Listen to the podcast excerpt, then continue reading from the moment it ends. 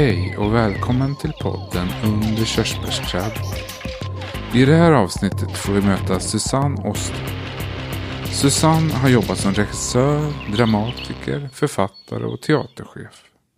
Genom sitt engagemang och arbete har hon blivit en inspirationskälla för många. På 70-talet skrev hon tillsammans med Margareta Garpe de klassiska sångerna Vi måste höja våra röster för att höras samt Åh, åh tjejer. Hon har skrivit och regisserat föreställningar både för vuxna och barn. 1975 startade hon Unga Klara som hon även var konstnärlig ledare för. Susanne jobbar fortfarande med teater. Senaste föreställningen som hon regisserade var Time av Lars Norén som går på Stockholms stadsteater nu. För podden berättar hon även om sin barndom och vad som påverkade henne så att hon blev den hon är idag. Det blev ett djupt, kärleksfullt och mycket intressant samtal. Då sitter jag hemma hos Susanne Osten. Hej Susanne! Hej Frippe! Hur är livet? Ja, det är väldigt, det är väldigt lätt att stressa upp sig och försöka göra allting på en gång. Så att jag är väldigt bra på att säga till andra, eh, ta en sak i taget. Men jag är inte lika bra på det själv. Så just nu så tänker jag på ett par tappade glasögon. Som var nya och, och, och som skulle stämma med min nuvarande syn som jag har tappat. Och jag måste göra en lista och se vad jag har varit, vad jag kan ha tappat dem. Annars måste jag gå till försäkring och så vidare. Jag har så mycket sånt där som bara gaddar ihop sig just nu. Men eh, annars är det bra. Det är väldigt roligt att ha gjort en föreställning som folk går och ser. Och, och vilken föreställning är det du syftar på då nu då? Ja, den heter Temps och det är franska. Det betyder eh, paus eller en Breakout? break. Ja. Och det är Lars Noréns, en av hans sista pjäser. Och hur, eh, den går på Stadsteatern fortfarande då? Ja, den går på Klara-scenen, men på ett lite speciellt sätt. Man måste söka upp föreställningen och gå och ställa sig på ett annat ställe än man brukar när man går till Klara-scenen. Och så händer det någonting, jag kan inte berätta hur riktigt, men det är lite ovanligt. En del människor säger det, det här har vi aldrig varit med om. Nej, och jag var ju faktiskt och tittade på den här föreställningen. Jag ska inte berätta vad som hände, men jag kan säga att i början där så var det lite, folk blev lite förvånade. Lite, vad, vad händer nu? Vad, Whoopee! vad, vad, vad är det här? Ja, ja. Och eh, biljetterna man har, men så här kan man väl inte, Nej. och sådär. Men det fungerar. Ja, och det var, det var väldigt fin, fin föreställning också. Jag är ingen teaterkritiker, men jag tyckte, jag kände mig privilegierad av att sitta och titta på den. Ja, det är underbara skådespelare, det är det det är. Men vad jobbar du annars med nu? Tre saker jag försöker att tänka med en strategi för en eh, film som jag håller på med, håller på med länge. Som handlar om modet att skapa. Och sen så ska jag sätta upp en grej på Dramaten och den pjäsen skrivs. Och jag vet vad den handlar om, men jag har inte sett den färdiga texten. Eh, det är Erik Uddenberg som skriver den och vi eh, är väldigt intresserade av konspiration. Konspirationer. Så han har intervjuat massor av människor. Så det, det ska få form så att säga. Så att jag sätter igång en process där. Filmmanuset har jag väl hållit på med i massor av år. Eh, och jag också skrev en bok innan som den delvis också bygger på. Vilken bok var det då? Ja, det var en bok som heter Vem tror hon att hon är? Susanne Osten. Din självbiografiska bok då? Just det. Och det är en större bok med flera perioder. En barndomsperiod och en, kan man säga, en jämlikhetsperiod när jag var feminist och skapade feministiska organisationen Grupp 8. Jag är en av dem. Och sen är det åldrandet då som jag är i nu. Faserna. Men Mm. du nämner din barndom då. Du växte upp i Stockholm då, eller? Ja, jag är typiskt asfaltbarn. Och, eh, så du hade var i Stockholm? Det var Stora Essingen och jag har fortfarande otroligt starka bilder, det brukar man ju ha, av det samhället. Det var ju byggt så att det var både rika och fattiga är en blandning. Så på andra sidan vår gata var det rikisarna och deras snygga villor eller deras funkisvillor eller så. Och på andra sidan var det låga hyreshus, där bodde vi. Jag tror nog att vi tyckte att vi hade det lite bättre ibland. Och, men, du, men ni lekte med barnen? Det ja, inte- det var det. ingen- Det var det vi lekte med varandra så att man, man hann förstå att det är inte så enkelt. Nej. Det är bara människor liksom. Det är bara människor. Och framförallt barn då. Ja, och, och simbassänger som några har men andra inte. Men man hoppar i ändå. Så de hade simbassäng redan på, är det 50-talet vi snackar nu? Eller? Vi snackar om 50-tal. Mm. Då hade vi simbassänger på Stora Essingen, några villorna där eller? Några hade det. Men hurdan, hurdan var du som barn då annars? Jag tror att jag var en slags eh, regissör. Jag, jag ser mig utifrån som en som eh, sätter igång grejer och eh, bestämmer grejer men inte har alla de bästa idéerna. Det har kanske gänget. Men att jag driver saker väldigt tydligt, det ser jag tydligt att jag gör. Jag till och med lärde en tjej att eh, vinna någon skridskotävling fast jag själv inte ens hade skridskor. Men det låter som en typisk regissör och Typiskt projektledare. regissör. Ja, kan man säga. Ja, vi, vi, hade, vi hade inga namn på den, på den saken, men jag hittade på grejer. Var du duktig i skolan också? också? Jag trodde det, för att jag gick i en skola utan betyg och eh, vi trodde alla att vi var oerhört begåvade och, eh, och det sa jag gärna till mina kompisar att jag har stort A i allting. Men de blev ju galna. Eh, Det kunde man inte ha, trodde de, och det hade de rätt i. Men det var känslan. Den här skolan var en privat skola, men en fattig idealistisk skola som hade som idé att barn är mirakulösa. Och i den överdrivna självbilden var jag ganska länge övertygad om att jag var jättebra. Eh, sen så tog jag mig så småningom in i det vanliga skolsystemet med betyg och sånt. Eh, för det gjorde jag när jag var i 15-16 års ålder. Och det var ju en smärre chock att upptäcka liksom, eh, hur det var. Det var manipulerbart på den tiden. Det var inga nationella prov eller någonting sånt. Men det var ju något helt annat. Det som Kristofferskolan gjorde för mig och för många av mina kompisar, det var att ge oss en känsla att vi var någonting att räkna med. Mm. Och det var väldigt bra. Och det blev ju någon slags grundtrygghet då kanske också. Det var den grundtrygghet jag hade. Jag hade en tvärhand hög lärarinna från Norrbotten som var kommunist och trodde på rättvisa. Men hennes bästa vän kunde vara en högerkvinna i samma pedagogiska trosystem så att säga. Så att det var väldigt brett mellan lärarna. Det var inte en, de hade Rudolf Steiner som sin pedagogiska guru. Och eh, han visste ju ingenting om puberteten så där kom slitningar. Men som barn var det en väldigt bra miljö. Och hade du något så här skolämne som du hade som favoritämne? Eller som du var bäst i? Och, Nej, jag var bäst i allting. Så var allting, allting. var favorit. Ja, ett tag tänkte jag bli fysiker. Jag hade en fantastiskt bra fysiklärare som gjorde laborationer. Det verkade väldigt spännande. Eller varför inte gräva sig in i biologin och bli veterinär. Alltså det fanns så många uppslagsändar. Fast vi spelade teater och blåste flöjter och, och lärde oss dikter och språk så var det inte uppdelat intressemässigt. Som barn tänkte jag inte så. Men jag gick på någon gratis teater. Det gjorde jag i stan. Och, men fanns det kultur i hemmet annars? Ja, det Mamma, kan man pappa? säga. Min mamma var hårt driven. Alltså hon var en verkligt skärpt kvinna. Böcker överallt och eh, hennes vänner var alla intellektuella. Hon skrev och var kulturjournalist och filmkritiker. Det var hon som hette Gerd. Mm. Och din pappa, han var... Han var eh, naturligtvis inte, jag höll på att säga flykting, det är ju inget yrke. Men det är, man måste nästan se det som en, ett tillstånd som man måste ha goda nerver för att klara sig. Det var svårt att få jobb, även då.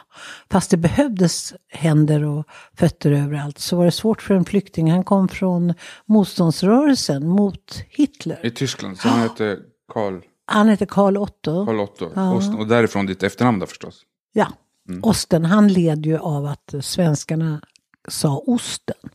För det betyder öster på tyska. Mm. Det är nach Osten, jag kommer från öster. Men, så han, han, flydde, han var motståndsrörelsen mot Hitler och flydde till... Ja, redan 35. Och jag har ju, jag har ju varit med i någon sån där pilotprojekt som heter Vem tror du att du är? Apropå titeln då. Eh, och då valde jag att researcha lite på min pappa som jag aldrig lärde känna som efter treårsåldern så han försvann. Eh, de skilde sig. Eh, Så då tog jag reda på att han lämnade Berlin 35, men då var han eftersökt av Gestapo. Han var med i någon vänstergrupp. Och jag har researchat honom mycket väl och jag, det, det som jag inte visste det har jag tagit reda på. Och han fortsatte till Tjeckoslovakien och han var snickare, finsnickare och de byggde lönnfack och eh, hemliga saker. Och jobbade, och sen så när tyskarna drog in 38 i Tjeckoslovakien, då drog han till Norge. Och så var han i Norge, så kom tyskarna dit, så rymde han till Sverige nyårsnatten 41.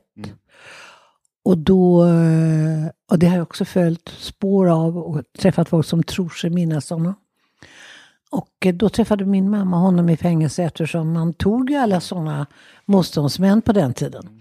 Alltså svenskarna var inte så förtjusta i den Eh, aktiva motståndsrörelsen utan lutade ju till att inte reta upp tyskarna, nazisterna.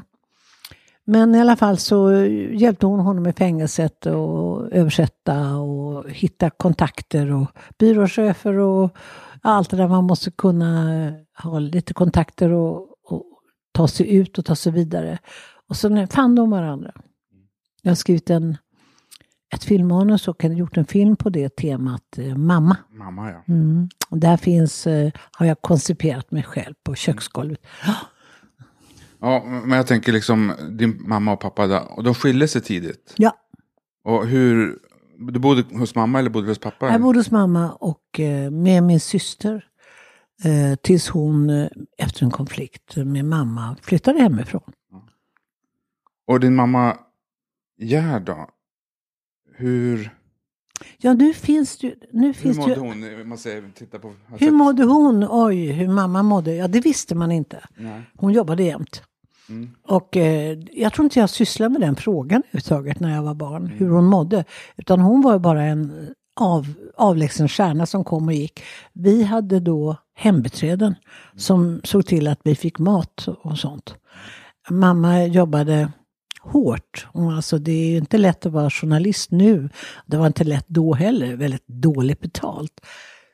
Men hennes mående kom att innebära att hon upphörde att fungera som journalist och fullfölja kontraktet. Utan hon blev sjuk och hamnade till slut eh, i sluten vård. Men innan dess, långt innan dess, så var hon en, en väldigt skärpt filmkritiker. Jag har ju läst allting som hon skrev. Och hon skrev också i flera tidningar. Hon var väldigt eh, självständig och rolig stilist. Och nu har ju en filmkritiker som heter Jan Lumholt skrivit ett vackert porträtt på henne och, och hennes generation innan så att säga, det här 60-talet som alla vet någonting om, när alla var radi- radi- radikala och det hände så mycket. Så var det ju människor som höll på med konstproduktion, film och litteratur och poesi. Och hon var någon slags själ, alltså hon har varit med om detta fruktansvärda, född före första världskriget, sen ett krig till, en hel generation vänner bara döda. Hon skulle ha filmat i Frankrike. Det var ju mycket av hennes drömmar som krossades av de här krigen. Som en hel föräldrageneration. Så fruktansvärt att tänka sig. Eh, men de var ju tvungna att ändå försöka ta sig samman och, och jobba. Och, och de, ja. Så då har Jan Lumholt gjort en essä om henne i en bok som Timbro har gett ut. Ett avantgarde alltså, som fanns. Mm och jag tycker det är så kul att någon annan ge, upprättar henne. För att jag har pratat mycket om hur det är att vara barn till en sjuk person. Det är ju, har jag ju haft en annan anledning att prata mycket om. Men som yrkeskvinna var hon ju en mycket märkvärdig person. Men att vara barn till en mamma som har psykiska, inte mådde bra helt enkelt. Var du rädd för henne? Slog hon dig? Eller vågade du ta hem kompisar och så? Jag tog hem kompisar tills det blev för konstigt. Eh, hon var väldigt generös och tillåtande och lät oss leka med sina kläder och så. Så att det fanns något väldigt tjusigt över henne, att inte hon var så där tråkig förälder. Men sen när hon, när det blev allt för gyttrigt och, och tjafsigt kring mig så tror jag att jag flyttade ut på gatan mera, om vi säger så.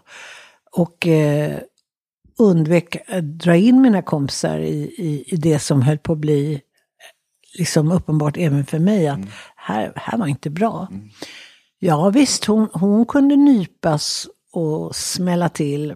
Fast det var inte hennes ideal. Hennes ideal var att sätta mig i en jättebra skola och min syra i en annan jättebra skola. Vi skulle inte bli slagna och vi skulle få självkänsla. Men det hon gjorde var, eh, ja det var en form av rester av hennes egen auktoritära uppfostran som hon har varit utsatt för. Stod inte ut helt enkelt med uppkäftiga ungar. Och eh, det var jag nog. Uppkäftig. Var kom hon ifrån? Hon, hon, var från... hon kommer från en eh, övre medelklass i Göteborg. Mm. Okay. Så hon var uppvuxen också med, eh, inte med någon närhet till föräldrar utan med hembiträden. Men, då, men din pappa, fanns han där när, när din mor mådde dåligt? Eller? Nej, jag tror att de mådde dåligt båda. Och det var två deprimerade människor skilde sig. Så tror jag det var. Så, så tror jag det var.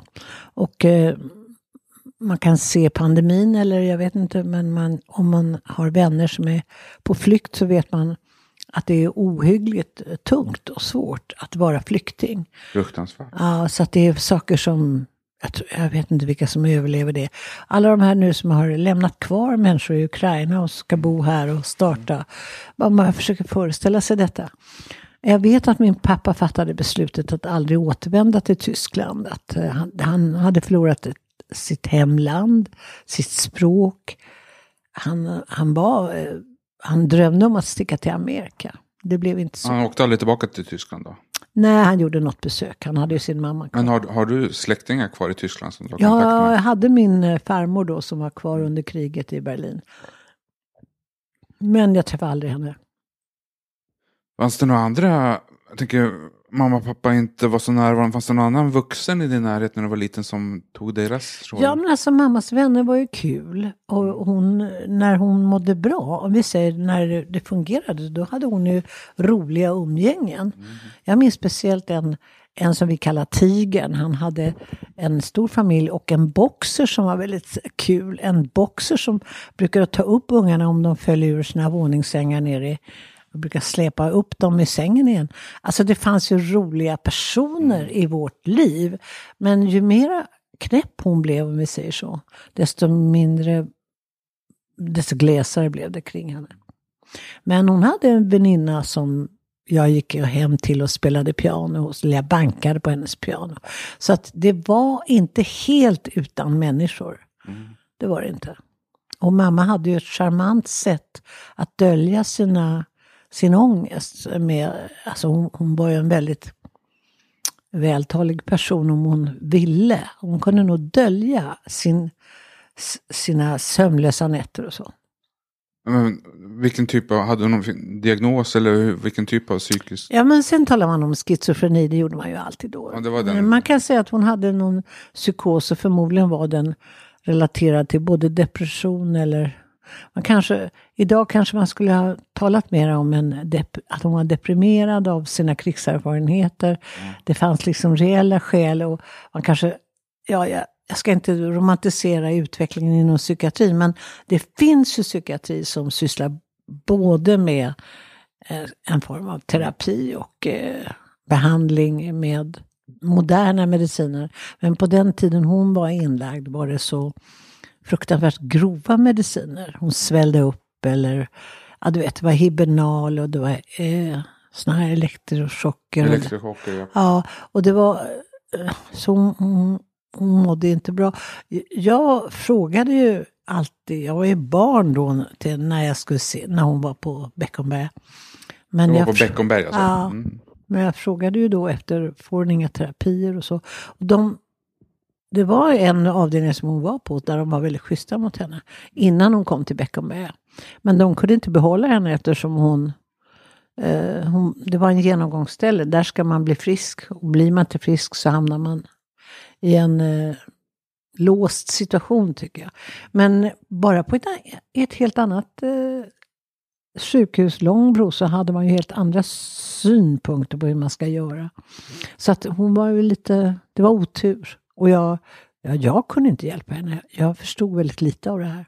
Och schizofreni då, det var en sån här slaskterm. Alla var schizofrena. Som, men någon typ av överkänslighet och depression, det, det kan man spåra i hennes historia. Självmordsförsök också. Men, men när hon var på de där så Beckomberga och Långbro sa du. Hur upplevde du att komma dit och hälsa på din mamma? Det är ju rätt, rätt speciella lokaler.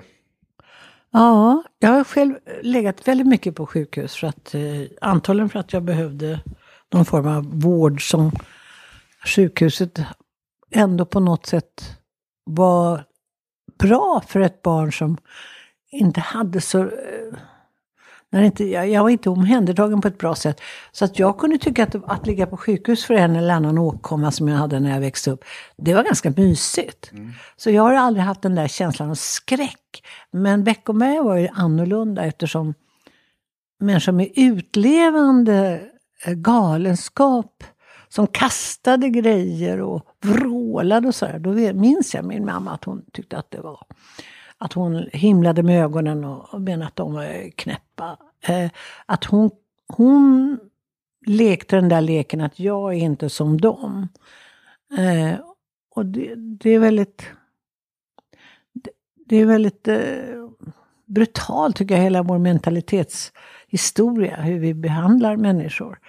Eh, men hon, hon blev friskare när hon blev kroppsligt sjuk. Det är en märklig sak att när hon sen fick cancer så var, det, gick det, var det sån enorm energiåtgång att klara sig, klara, klara livhanken så att hon eh, kvicknade till i kontakten. Eh, annars var hon så sluten, det var väldigt svårt att få kontakt med henne. Mm. Mm. Det måste ha varit väldigt jobbigt för dig då, som barn förstås? Nej, jag tror jag faktiskt här har jag ju omvärderat väldigt mycket. Jag tror att barndomen är någon slags passage och man, man betraktar det som man får som någonting som, så är det bara. Mm. Och det är ganska bra för att vi vet ju att vi ska bli eh, framgångsrika Hollywoodstjärnor eller mm. vi ska bli större än Greta Garbo eller vi vet ju det. Så att vi tar oss igenom det mesta med våra fantasier. Och jag var alltid tillåten av henne att fantisera eller gå på bio eller mm. så att mitt försvarssystem, det är väldigt välutvecklat. Så jag, jag, kan tycka, ungefär som i boken, att, att det var ganska rolig barndom med mycket händelser och så. Det var obegripligheter, absolut, men det är ju alla barndomar. Helt obegripliga händelser som vuxna gav upphov till. Man förstod ju inte ett dugg av deras handlingar. Men det var också delat med andra barn. Utan i mitt fall var det så att jag hade hade det ganska bra i mina små gäng. Mm. Uh, det var så jag klarade av det. Vi lekte. Och i gängen då? Var du ledare där eller var du? Jag var en, jag var en drivande person men jag säger igen, jag behövde inte ha de bästa idéerna, bara jag kände igen dem. Vi pratar om, om fantasi och sånt där. Hade du livlig fantasi som barn? Ja, men det har alla barn om, om man inte har bankat. Okay. Ja, om man inte har bankat dem redan från början och sett till att de inte utövar det. Men jag menar, Fantasi är ju egentligen bara bearbetningar av problemställningar och de löser man lätt innan man har lärt sig att det går inte eller det är meningslöst eller det måste vara vissa värdesystem. Eh, många barn har livlig fantasi. Och eh, om de råkar ha otur så blir den förbannade, så ordnar man upp den för mycket. Det är ju tråkigt att börja i skolan och få reda på att så är det inte, eller du har fel. Mm. Eller så här ser det inte ut och du tecknar fel. Sånt var inte jag utsatt för. Jag var utsatt för att eh, det jag uttryckte var riktigt. Och det, är ju, och det borde alla barn mötas av. Och det har gett dig kanske någon stark självkänsla? Det tror jag. Och, så du har mycket att tacka från den tiden då? Ja, jag, jag tackar bra, tackar bra lärarkärlek. Mm. Men gick du på gymnasiet sen efter grundskolan? Ja, sen gick jag på enskilda gymnasiet och det var ju en helt annan hierarki. Det var ju engelsklärare som kom i sportbil och kanske någon lärare hade kanske en stor schäferhund framme vid katedern när man skulle hämta sina uppsatser eller sina skrivningar. Det var liksom en mer disciplinär energi. Det var många överklassungar som måste ha betyg för de hade inga. Jag gick, eh, jag gick där på grund av att jag fick en släkting att betala en vanlig skola så att jag skulle kunna få betyg och ta mig vidare till gymnasie och universitet. Ja, och, men vad, gick efter gymnasiet, vad hände efter gymnasiet då? Då dog du till universitet? I gymnasiet som var en väldigt speciell historia för att jag och, och barnavårdsnämnden vi ingick i en pakt där jag gick bakom ryggen på dem. Mm. Eh, de tänkte sig, jag ger, vi ger henne realen. Och jag tänkte, jag tar mig till studenten till varje pris för jag kan inte börja jobba, det går inte. Mm. Min mamma var försvunnen också och det var väl liksom en krisperiod i mitt liv där någon måste ta hand om den här ungen. Och jag bestämde mig för att med alla näbbar och klor bita mig fast i den här internatskolan, Viggan. Mm. Det var en modern skola med moderna lärare och så. Och sen hade jag en bra rektor som tyckte, ja, han drog väl rätt slutsats att jag hade läshuvud. Mm. Så jag tog mig till studenten. Och hoppade över någon klass också. Och, sådär. och min syrra hjälpte mig att läsa franska och, och latin över någon sommar. Och så så att jag tog mig igenom det där. Och eh, kom till Lund. Där jag, och det är ju den stora turgrejen i mitt liv. Där jag marscherade in på Studentteatern och fick bli regiassistent till en väldigt märkvärdig eh, regissör och lärare som heter Ulf Gran. Och han tillät mig att uh, göra mina första lärospån som regiassistent. Och sen gav han mig en pjäs och sa, den här ska du sätta upp. Och det blev så lyckat. Vilken pjäs var det då? Ja, den heter Akt utan paus. Det låter som en typisk 60-tals mm. titel. Men den handlade om atombomben och det var lyckat för jag hade suttit utanför en massa ambassader och demonstrerat. Jag var övertygad pacifist och eh, aktiv mot atombomber. Mm. Och det här var en sån pjäs, en, en, en verkligt tematisk aktivistpjäs. Och jag fattade precis hur jag skulle göra den och det blev bra. Mm. Jag har ingen aning om jag gjorde det.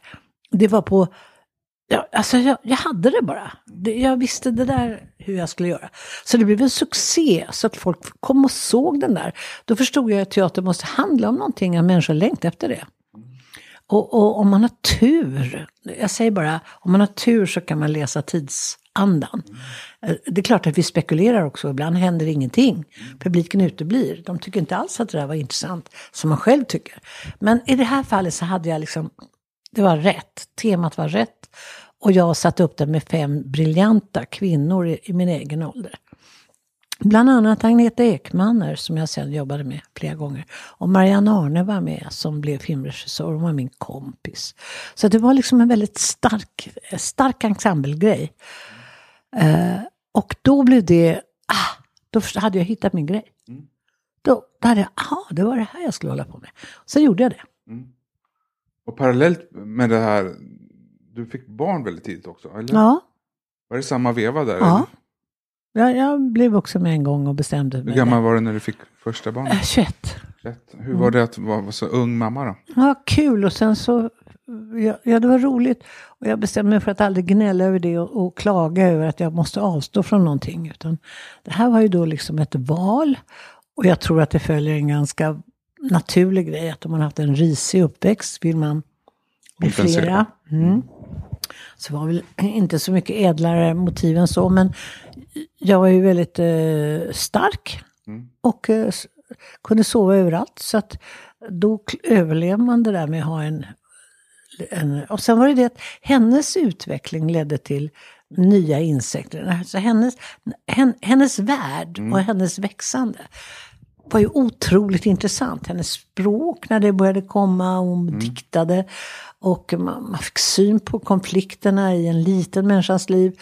Och, eh, så det var som om vi följdes åt. Mm. Och det är väl det bästa med föräldraskapet, är om man kan det. Jag tänker, då, vad studerade du i Lund? Du studerade... Jag pluggade konsthistoria och litteraturhistoria. Konsthistoria och litteratur. Och, och så, startade, så fick du regissera den där föreställningen då. Och så blev det mamma nästan samtidigt. All, allting hände där. Och sen allting, så... allt genast. Allt på en gång? Ja. Och hur, hur påverkade det ditt liv totalt? Liksom? Ja, Det har vi gjort, men jag har alltid eh, sett till att inte skylla på något utan tänka ja men det är så här. Jag har haft väldigt bråttom. Mm. Och eh, gjort många saker på en gång. Och är det någonting jag nu säger mig är att det behöver inte gå så fort. Men jag, jag har inte ändrat mig så mycket som jag borde. För mycket på igång samtidigt kanske? Ja, kan man säga. Sen var du med efter det där, hur, sen kom du igång med fria teatrar och sånt där. Jag vet att Ja, jag Fickteatern inbjud- var en av de första, eller? Nej, det, det har blivit faktiskt inbjuden till Teater 23 heter de. Mm, Det var det för något? 33 platser och eh, ja, det, det kändes som Hollywood hade ringt när de ringde. Mm. För att det var så bra teater de gjorde. Det var Per Olin som ledde den teatern då. Alltså det var väldigt fina uppsättningar och jag fick göra några bra eh, arbeten där. Och sen så träffade jag Hans Hellberg på Narren och det var också en viktig person och hela hans eh, kontakter med det amerikanska avantgardet. Det var mäktigt. Så hit till Narren, alltså i Stockholm, kom eh, killen som gjorde den första versionen av Hair. Eh, Tom O'Horgan. Och han hade ett kollektivt sätt att jobba. Eh, helt annat sätt än vad man hade lärt sig hittills. Där regissören talar om och sådär. Utan alla var på golvet. Och det var, Gruppteater liksom? en riktig gruppteater. Och det var ju Hasses eh, vision. Även om Hasse inte kunde riktigt släppa sin auktoritära roll så var det här någonting helt nytt. Så det var nya tider. Det här var liksom 60-talets mest produktiva grejer. Det som var den stora stjärnan för mig det var ju egentligen Moderna Museet och alla de utställningarna från 64 till eh, framåt då. Alla de här enastående utställningarna. Eftersom jag då var konsthistoriker så var, var det ett avantgarde som jag förstod. Och sen, det var många fria teatergrupper där under, under Ja, 60-talet. vi, vi startade då, jag var tvungen att bryta mig loss från eh, elaka Hasse. Han, han var verkligen taskig mot mig. Och istället för att ta det som någon evig förbannelse för kvinnor så bestämde jag mig för att flytta mig ifrån, ta några av hans bästa skådespelare och starta en grupp. Så jag, vi söndrade oss så att säga. Och då blev vi Fickteatern och började turnera över hela Sverige. Och det var grunden för allt vad jag sen lärde mig kan man säga. Och i Fickteatern, det var Lotte Eibrandt och Ja. Gunnar Edander. Ja, och Leif Sundberg inte minst. En enastående både scenograf och skådespelare. Så att vi rände rike och ja, gator och torg och eh, ABF-lokaler och skolor och fängelser och allt som, som vi ville undersöka. Alltså där publik, där vi kunde hitta vår publik. Och eh, na, så det var, vi upptäckte både Sverige och det var också en ställningstagande för det, det väldigt tydliga klassamhället. Det kom ju en låginkomstutredning då som visade hur som gjorde att Göran Palm, en poet, eh, gi- gick in i fabriken och undersökte lönevillkor och så på och arbetsvillkor. Det var, en, det var en upptäckternas tid. Vi reste runt och för mig blev det så att jag fortsatte med, jag var uthållig vad det gäller barnperspektivet, att jag tyckte att vi måste ta fram helt andra konstnärliga uttryck för barn och inte nöja oss med enkla klichéer. Barnböckerna var inte mycket att skryta med på den tiden. Nu finns det en sån rikedom, oj oj oj, på perspektiv och, och det finns serieböcker och det finns olika tekniker och så. Men då var det så att det fanns klassikerna, det fanns de där stora intressanta klassikerna och det fanns Sven Wernström. En väldigt socialistisk och agitatorisk och rolig författare som skrev Kamrat Jesus och han ställde saker och ting på huvudet. Vi jobbade med honom och gjorde en enastående provokativ föreställning som heter Plugget, ett spel om plugget. Där vi fick hela högstadier att marschera upp till rektorn och kräva reformering av skol. Eh, alltså, det, det, det, man tror inte det är sant. Men 69, det var liksom sådana vågor av otillställdhet i, i utbildningssamhället. Det var det som resulterade i kårhusockupationen också. Och ungarna var, är så intresserade av eh, av sin liksom, faktiska situation. Det låg i tiden. Mm. Eh, och, och då surfade vi på den. Och Sven skrev den där pjäsen för oss och vi spelade den i Auler. Mm. Så att det var ju tryck på då, de föreställningarna. Eh, när vi gisslade skolans klasssystem och elitsystem och mm. betygssystem. Så vi var rebeller där. Häftigt. Och sen eh, jag gick du på Stadsteatern där i början på 70-talet. Ja, man kan hur, säga hur gick det till? ja, hon, eh, den stora fenomenala teaterchefen Vivica Bandler från Finland. Hon såg ju oss spela i Helsingfors, för vi var i Norden också. Med Fickteatern? Med Fickteatern. Så hon tyckte väl att det där var något. Så hon, hon var väldigt snabb på att plocka upp saker som hon kände att det här var något nytt. Mm. Så hon eh, frågade vad jag ville göra och då ville jag göra, nej jag vill inte in på någon scen, nej jag ville bara fortsätta det här perspektivet. Så jag ville ut på ungdomsgårdarna och eh, jag jobbade på ungdomsgårdar då. Och eh, vi gjorde det. Vi gjorde en pjäs för ungdomsgården och så en till. Och sen gjorde, bara, gjorde vi också en scenpjäs. Och sen gjorde vi en kretsteaterpjäs om por porrindustrin. Vi fortsatte liksom att testa. Jag testade hur, hur är tilltalet till vuxna? Hur är tilltalet till unga? Var ska man spela? Vi fortsatte med det. Och det var till henne jag gick med Margareta Garpe och sa vi har en idé till en kvinnopjäs. Eh, den, den som sen kommer heta Jösses flicka flickor. Mm. Och hon sa ja, jo, ni kan få 17 föreställningar på stora scen. Och jag tyckte det var väldigt lite. Mm. Men eh, det, hon kunde ju haft rätt. Mm. 17 var ju bättre än ingenting. Men den gick i tre år. Mm. Och i den föreställningen så var det de här, eh, då kom även den skivan då som ja. hette Sånger om Gunnars, eh, Gunnar Edanders otroliga känsla för eh, teatermusik är ju eh, dokumenterad. Men vi var väldigt eh, fångade av Brecht-estetik och Eisler och, och det sättet att använda musiken. Mm. Det är inte musikal, men det är ett musikaliskt berättande. Där musiken är bärare av eh, motioner. Så det var en blandning av både agitatoriska sånger och, och personporträtt.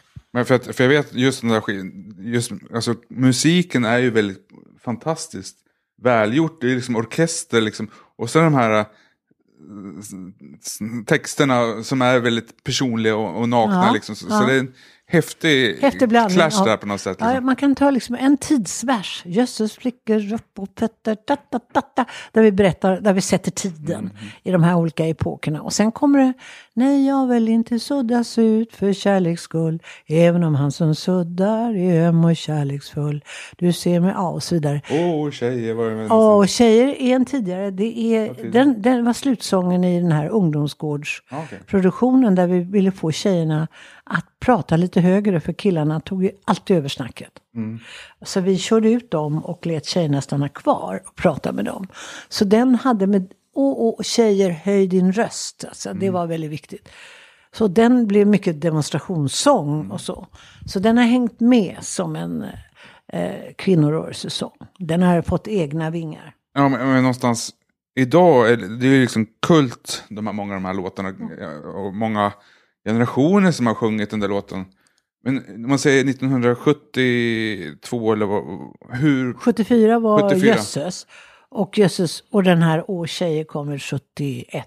Hur pass spelades det radio eller fanns det liksom? Vi fick en Grammis på sånger om kvinnor som eh, vi proddade.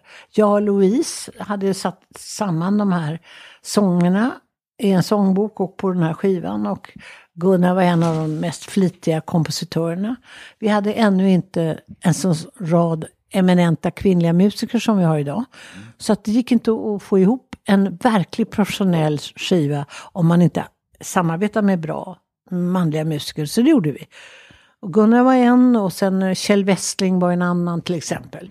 Och det var MNV. Va? Men, men nu idag så skulle är det en helt annat läge.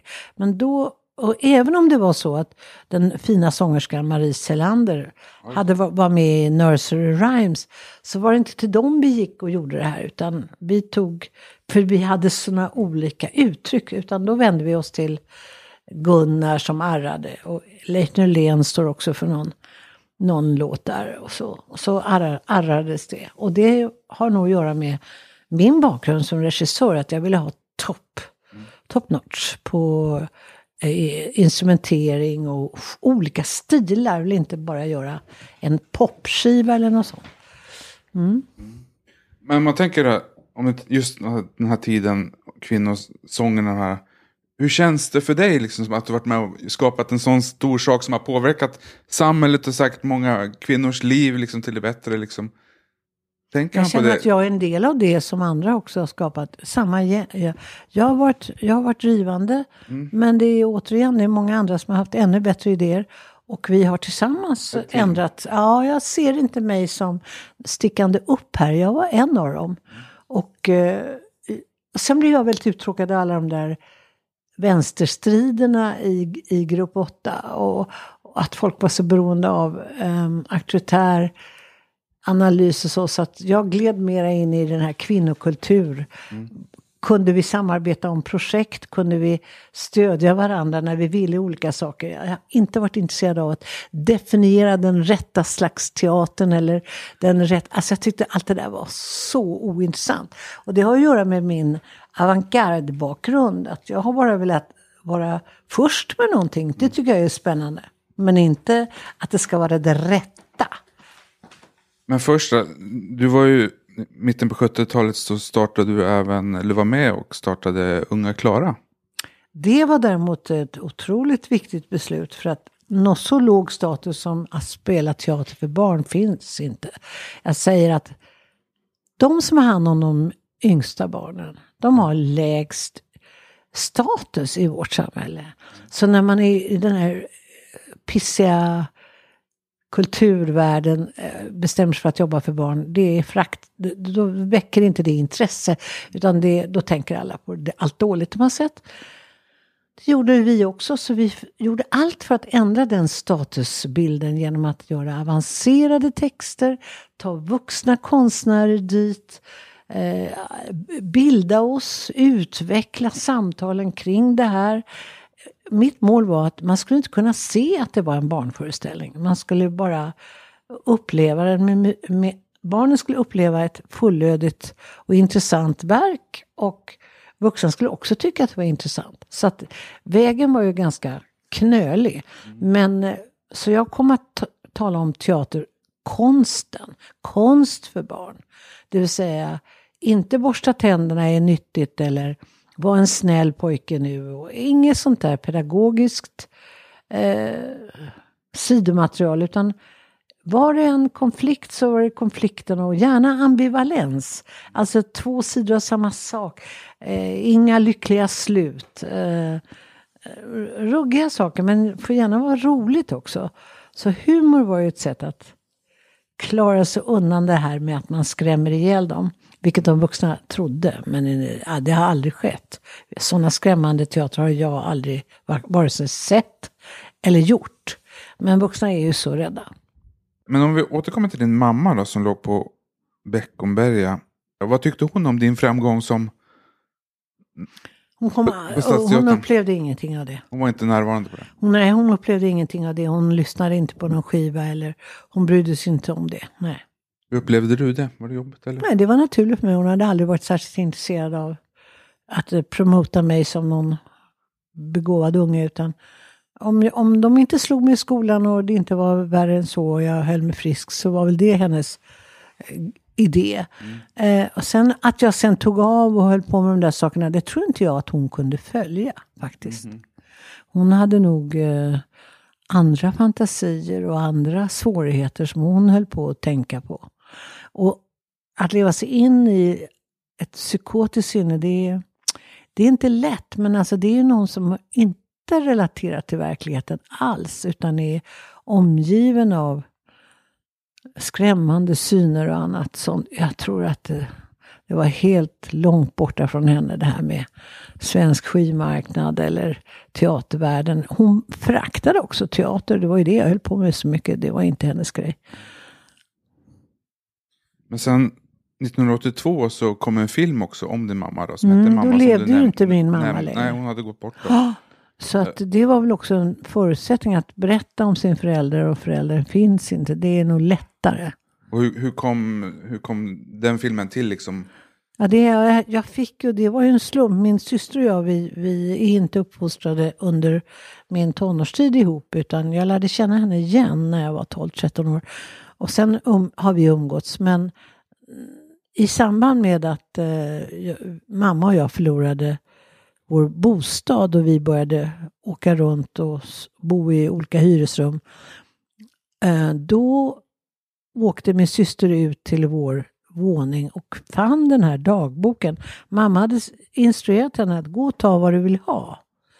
Och då plockade hon med sig mammas dagbok. Och sen tog det en massa år innan jag fick den i min hand. Min syrra sa den här kanske du vill läsa. Mm.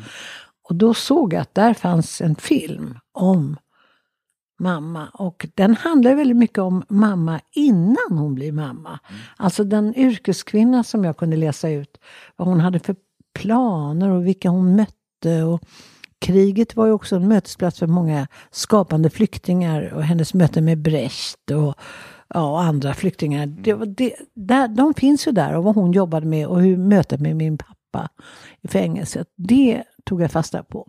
Sen gjorde manusförfattaren Tove Ellefsen och jag grundlig research om svenskarnas inställning till flyende under kriget och så vidare. Så att eh, när jag skulle gå upp och pitcha, som det inte hette då, men som det var, mm.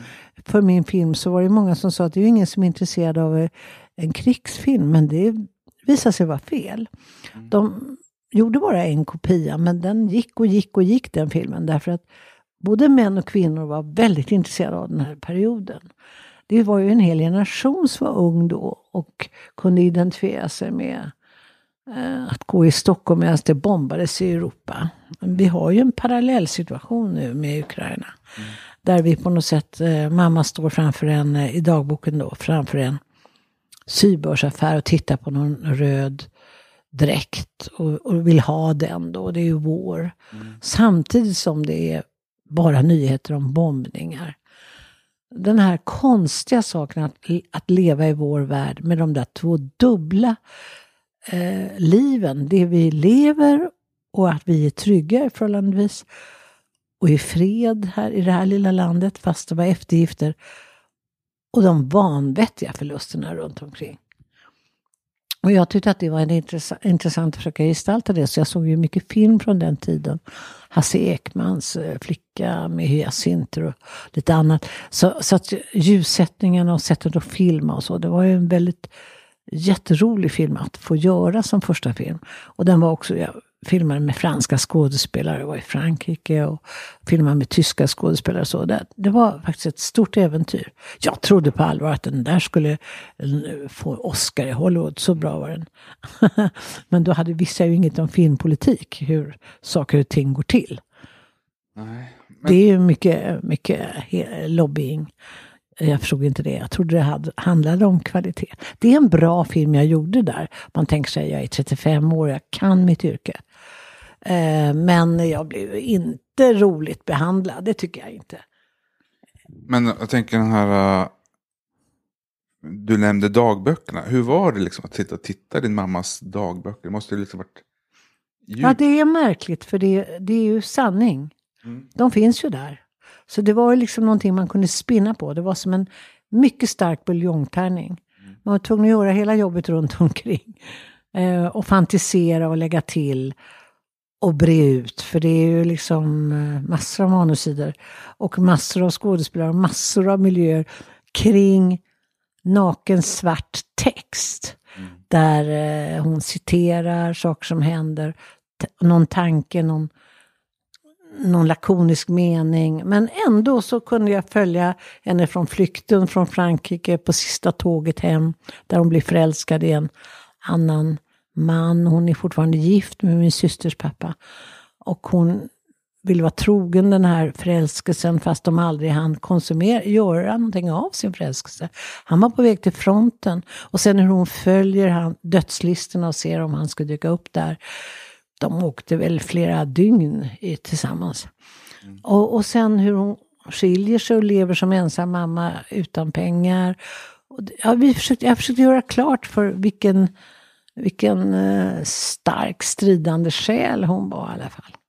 Och eh, det är rätt mycket film om filmen, hennes kamrater och så. Men var, var det någonting när du läste dagböckerna, någon grej som du tänker tillbaka som du blev väldigt förvånad? Ja, jag föds ju i slutet av Ja. dagboken. Så att eh, det är som om hon bestämmer sig, men nu ska jag bli lycklig. Nu ska jag föda mitt barn. Och det är ju sån där löftes... Eh, alltså, eh, amerikanerna går in i och, och, och, stri, och då, det är väl så redan vid eh, Stalingrad så bestämmer sig väldigt många människor i Europa att, göra barn. Att nu är ändå ryssarna besegrar ändå nazisterna. Eh, Nu måste det vända. Och då föds det ganska många. Vi är ju rätt många födda vid 40, 44. Mm. Så det, det är ju en slags ljusning i Europa. Så det är en slags ljus i slutet. Och hon, hon är väldigt gravid och jag föddes inte förrän tre veckor senare eller två veckor senare. Men det står liksom att ja, nu, nu är det klart, nu, nu ska jag födas. Det tyckte jag var väldigt eh, starkt att läsa. Det måste jag säga. Det var ju före allt så att säga för dig. måste jag säga. Det var ju före, före du föddes liksom. Ja, och hela tiden min an- analys av föräldrar är ju, vilka var de innan de blev föräldrar? Det var ju, de har ju haft massor av drömmar. Men på vilka sätt är du lik din mamma då skulle du säga? Ja, jag har en lång vass näsa. Eh, och eh, jag har uh, nagellack som hon hade. Alltså jag har, har inspirerats av henne. Hon, vi är väldigt klädintresserade. Hon var det. Hon var det tills hon blev sjuk. Då tappade hon intresset. Så att hon hade en väldig känsla för stil och eh, detalj. Och det kanske är någonting som jag har plockat upp. Men olika, väldigt olika psykologiskt sett. Eftersom hon var en tillbakahållen och rätt förbittrad över manssamhället. Alltså. Men jag tycker det var, var något eh, tjusigt av henne. Det är väl saker som jag har plockat upp som jag tycker är bra. Att hon kunde skriva väldigt positivt om Ingmar Bergman. Fast hon tyckte han var en skitstövel. Privat. Det där tycker jag är en enastående eh, å, eh, objektiv egenskap. Hon, hon var en cool person på det sättet att hennes egna eh, ja, avundsjukan eller känslan av man är förtryt, man är förbannad för att man blivit utsatt för saker. Det sopar hon helt undan inför kvalitet i ett verk. Och det där har man varit tvungen att göra själv för att eh, storartade konstnärer är ofta inte jättetrevliga människor. Det finns det, underbara människor och som är storartade konstnärer. Men det är så svårt att driva sådana projekt så folk blir deformerade. Men om vi hoppar fram några år senare. Den filmen kom 82 om mamma. 86 så hade du en film som heter Bröderna Mozart. Mm. Som fick en Guldbagge och fl- flera uppskattad. Och det var ju, den har, har ju blivit ihågkommen för det var den, den filmen som Olof Palme och Lisbeth Palme gick på bio på. Den 28 februari 1986 när, de, när han blev mördad efter biografbesöket. Och det var väl ganska nära här, ganska, bara några kvarter härifrån. Mm. Minns du när du fick höra att Palme hade blivit mördad? Ja, då. och jag tror jag har berättat det här. Det här är en ganska söndertröskad historia. Jag vill inte ha med det här att göra överhuvudtaget då, för det, det ena hade inte med det andra att göra.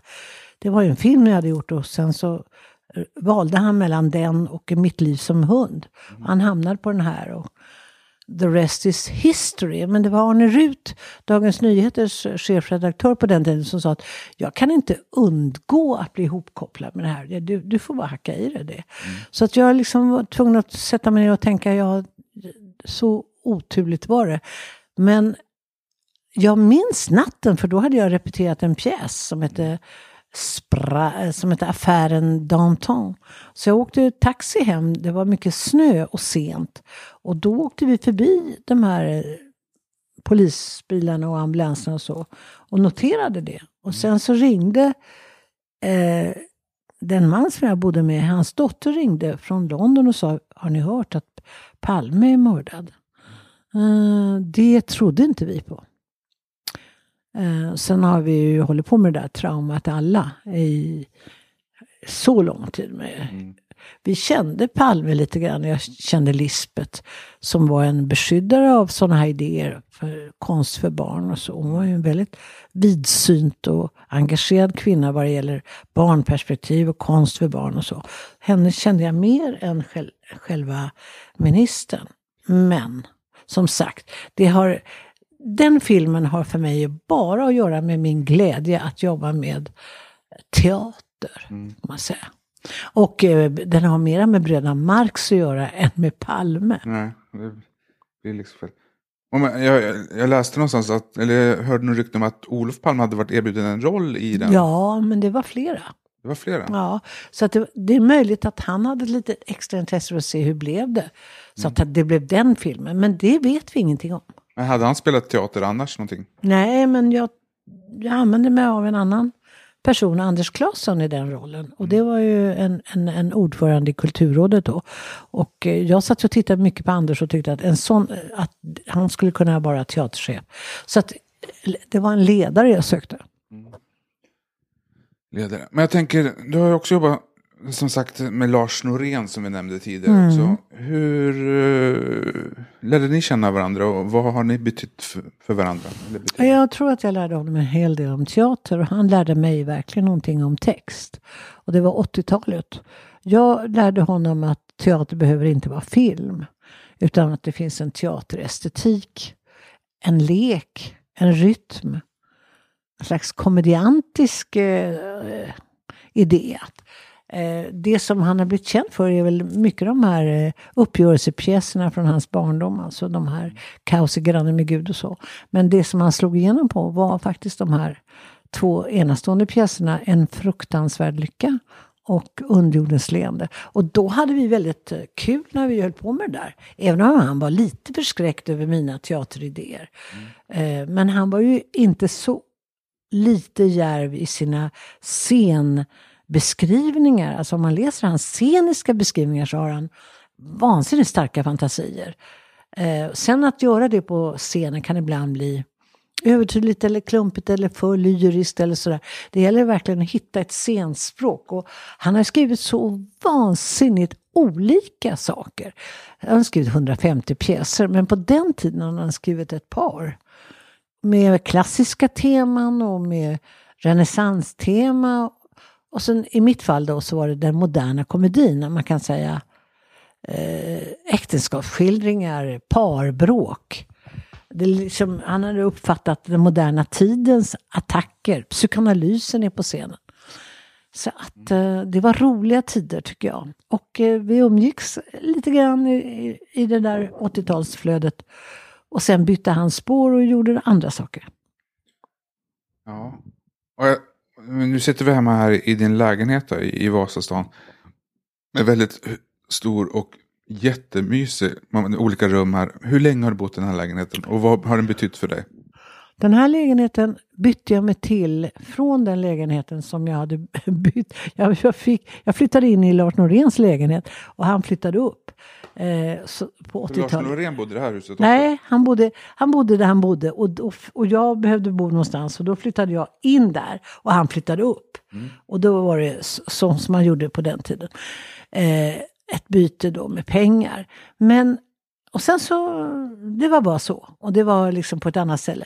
Sen eh, hände olika saker och jag skulle flytta ihop med en man och Eh, då behövde jag på något sätt göra mig av med den jättelägenheten som jag ett tag hade som min dotters kollektiv bodde där och så. Och då byttes det till den här lägenheten. Och min mamma hade sagt, nu är vi tillbaka till mamma, att du ska aldrig göra dig av med en lägenhet. Så jag stannade inte kvar i den där eh, tillfälliga ihopflyttningen med eh, mannen då, utan jag behöll den här lägenheten. Så jag flyttade in här på 90-talet. Och jag har bott här rätt länge. Och först tyckte jag, varför har jag valt den här lägenheten? Min dotter fick en annan. Eh, varför, varför är jag här? Och jag har ju inga connections här. Men nu när jag bott här i 20-30 år, då, nu tycker jag att det här är precis ett bra ställe att bo på. Man känner ju alla, alla saker. Ja, och det är tyst. Och Det är tyst Och, och- du jobbar här också Och jag piano. jobbar här, ja nu jobbar jag här och efter pandemin blev man ju väldigt, då börjar man flytta runt grejer och börjat säga nu måste jag verkligen acceptera att jag bor här. För först hade jag nog en lite flyktig känsla att jag bor här tillfälligtvis. För jag har flyttat många, många gånger. Har du bott utomlands också? Ja, kortare ställen har jag gjort. Jag har ju rest kolossalt mycket. Men nu med pandemin och alltihopa så har det blivit mer bofast känns det som. Och det här valet att skaffa katt då, det var väl, den måste jag verkligen sköta. Ja, vad heter din katt då? Faso. Mm. Faso. Ja, du tittar på mig nu. Ja. Men du har gjort så oerhört många saker och fått eh, priser och filmambassadör och allt vad det har varit. Är det någonting som du är extra stolt över? Ja, att jag tog mig till en gestaltterapiutbildning. Bara för att inte styra gänget utan för att kunna vara i gänget utan att vara rädd. För det är någonting med grupper att de kan, de kan krossa folk om de vill, om de vänder sig. Man måste på något sätt kliva in i gruppen lika sårbar som de är. Eh, Man kan, man kan kontrollera dem genom att aldrig gå in i dem. Men det vill jag inte, utan jag ville på något sätt eh, utvecklas. Så då gick jag i hög ålder in i gruppterapi. Och eh, då var mina lärare då i gruppterapi, de sa men akta dig, det här är tuffa grejer, du kommer ju knappast överleva det här. Det kanske var för att göra det hela lite mer spännande, men jag blev oerhört arg, jag var 60 då. Och tänkte, vad fan, så svårt kan det väl inte vara att gå in i en utbildning. Men det var alla runt omkring mig var ju i 30-årsåldern. Det var tufft.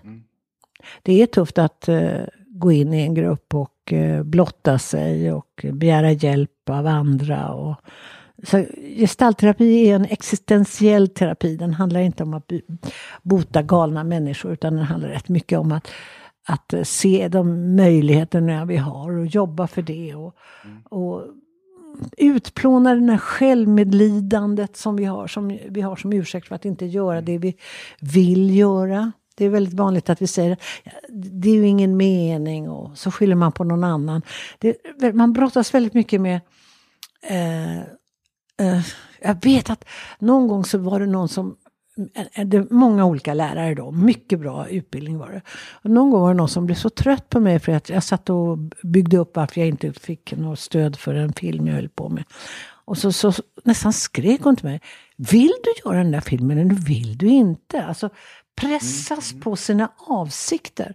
Och det är jag rätt stolt över att jag liksom tog mig igenom det och sågade mig igenom mina egna rädslor då och att jag skyller ifrån mig på andra och så och tänka nej det här är inte vägen till utveckling. Jag måste, vill jag det så måste jag försöka det och inte hålla på och skylla på alla andra.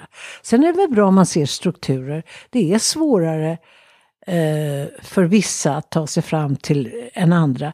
Det är, det är massor av invandrare som inte har våra kontaktnät eller familj eller inte vet vem de ska ringa eller så.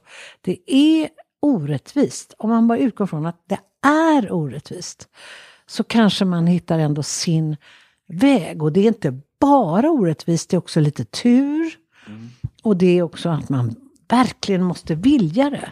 Och då kan man ha hjälp av en obarmhärtig terapeut som, som skriker vill du eller vill du inte? Du måste bestämma dig. Annars kan man ju inte få göra det man, som kostar massa pengar och, och sådär. Nu försöker jag hindra min katt Faso från att äta upp våra bullar. Jag sprutar lite vatten. Så, ja, det gillar inte du?